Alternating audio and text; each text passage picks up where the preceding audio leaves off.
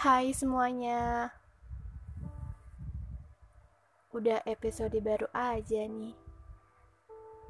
Rasanya baru kemarin saya bahas tentang episode kesempatan kedua.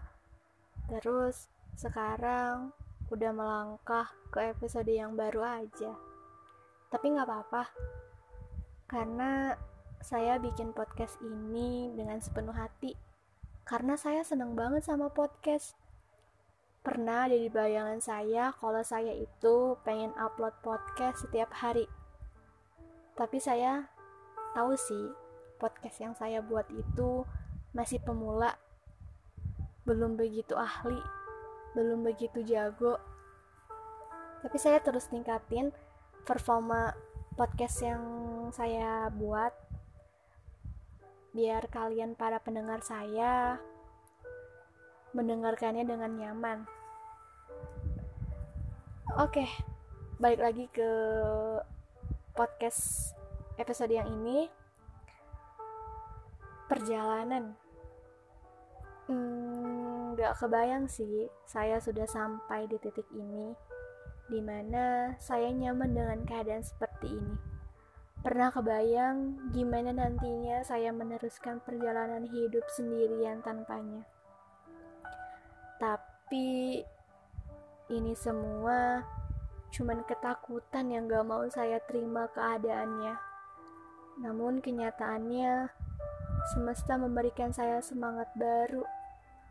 Seperti dorongan dari keluarga, sahabat yang selalu saya sayang, teman-teman saya. Sekarang, saya sudah melangkah terlalu jauh. Dan untuk sekedar nengok ke belakang aja, saya males. Kenapa begitu?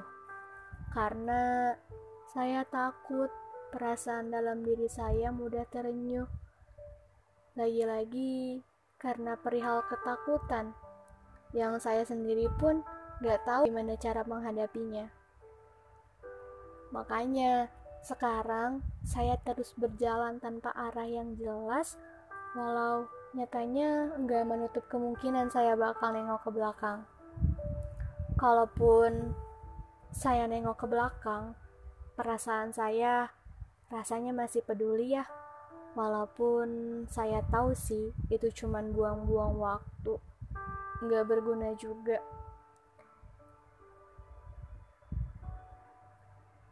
Berkat dorongan dan motivasi teman saya, saya sudah sudah benar-benar melupakannya. Ya, walaupun awal-awalnya sulit sih. Eh, tapi nggak apa-apa kali ya kalau misalkan bahasanya tiba-tiba nyambung ke masa lalu. Ya, walaupun gak nyambung, ya dinyambung-nyambungin lah ya. Teman saya pernah bilang gini sama saya. Nap, kalau dia udah nyakitin lo, lo harus inget, inget itu. Jangan pernah lo inget kebahagiaan yang udah pernah dia kasih. Karena itu gak sebanding apa yang sama lo rasain sekarang. Itu sih alasan terkuat saya untuk move on dengan cara itu dengan cara mengingat kelakuan yang dia lakukan sama saya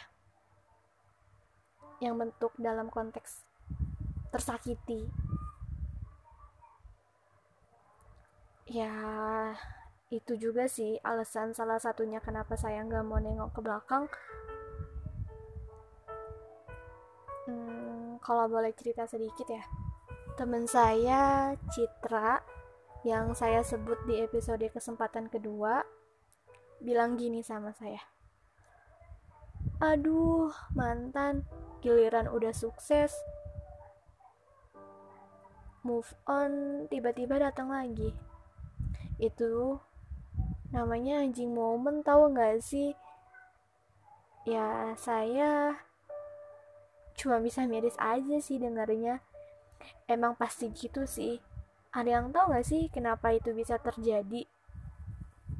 Kenapa kalau misalkan kita udah benar-benar bisa move on dan tiba-tiba si mantan kita itu datang?